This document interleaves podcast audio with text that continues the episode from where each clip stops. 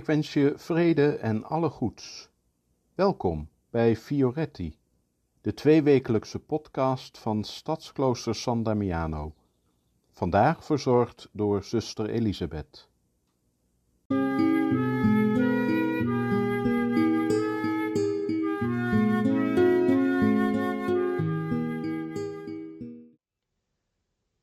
Met kerst vieren we de geboorte van Jezus.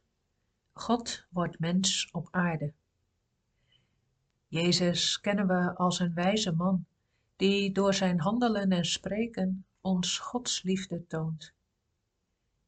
Vele verhalen in de Bijbel gaan over die volwassen wijsheid van Jezus. Maar over de jeugd van Jezus weten we niet zoveel. Maar toch zijn er wel een paar dingen over bekend. De herders gingen op bezoek in de stal nadat Jezus er geboren was. En de drie wijzen kwamen geschenken brengen, omdat ze wisten hoe bijzonder dit kind was. Niet lang daarna vluchtten Jozef en Maria met Jezus naar Egypte, omdat Jezus het gevaar liep om door koning Herodes gedood te worden. Hij zag Jezus als bedreiging voor zijn koningschap. Pas toen Herodes overleden was, kwamen Jozef, Maria en hun kindje Jezus weer terug naar Israël. Evangelist Lucas schrijft dat Jezus in de tempel door Jozef en Maria aan God werd opgedragen en dat hij opgroeide en steeds sterker en wijzer werd. En dan is er nog het interessante verhaal over de twaalfjarige Jezus. Elk jaar ging Jezus met zijn ouders naar Jeruzalem om het paasfeest te vieren. Toen ze het gevierd hadden en weer naar huis reisden, bleef Jezus in Jeruzalem achter, zonder dat zijn ouders het wisten. Ze dachten dat hij wel bij de andere reisgenoten zou zijn. Maar na een dag gingen ze hem zoeken en keerden ze terug naar Jeruzalem.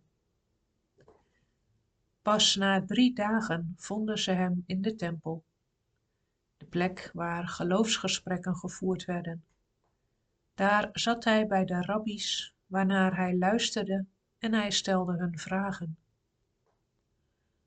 Allen die er aanwezig waren, waren verbaasd over zijn inzicht en zijn antwoorden. Jozef en Maria waren erg ongerust geweest en werden boos op Jezus. Hoe kun je ons dit aandoen? zeiden ze. Maar hij zei hen, waarom hebben jullie mij gezocht? Wisten jullie niet dat ik bij mijn vader moest zijn? Maar Jozef en Maria begrepen niet wat hij zei. Toen ging Jezus maar met hen mee naar huis en Maria overdacht al wat er gebeurd was. Het verhaal laat zien hoe je als kind dat opgroeit ruimte nodig hebt om te kunnen ontwikkelen. En dan is het nodig om je ook buiten het gezin waarin je opgroeit je te kunnen begeven en zo andere mensen te ontmoeten en ervaringen op te doen waarvan je kunt leren zodat je kunt ontdekken waartoe jij in het leven geroepen bent, wat jouw weg in het leven is. Mooi is het ook hoe er staat dat Jezus zowel luisterde als vragen stelde. Pas als je geluisterd hebt, kun je de goede vragen stellen. Dat kennen we wel allemaal van school. Eerst wordt er vaak wat verteld of uitgelegd en daarna kun je er vragen bij stellen. Dat is vaak hoe leren werkt, al zijn er ook andere manieren. Kinderen kunnen soms ook al heel wijs zijn, net zoals Jezus ook al was als kind. Soms zelfs wel wijzer dan iemand die al heel veel geleerd heeft en veel ervaring heeft.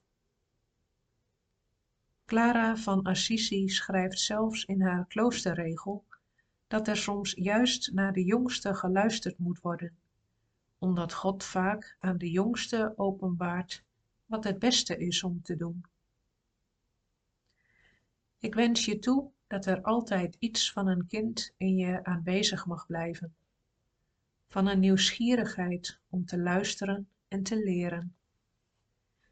Dat je de ruimte mag blijven nemen die voor jou nodig is om je te ontwikkelen en te groeien, want dat is iets wat altijd doorgaat. Mogen Jezus je hiertoe blijvend inspireren.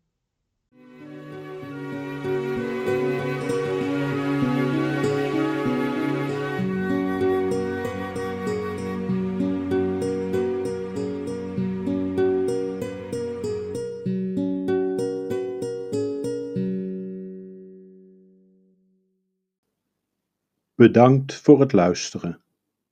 Tot over twee weken en tot die tijd vrede en alle goeds.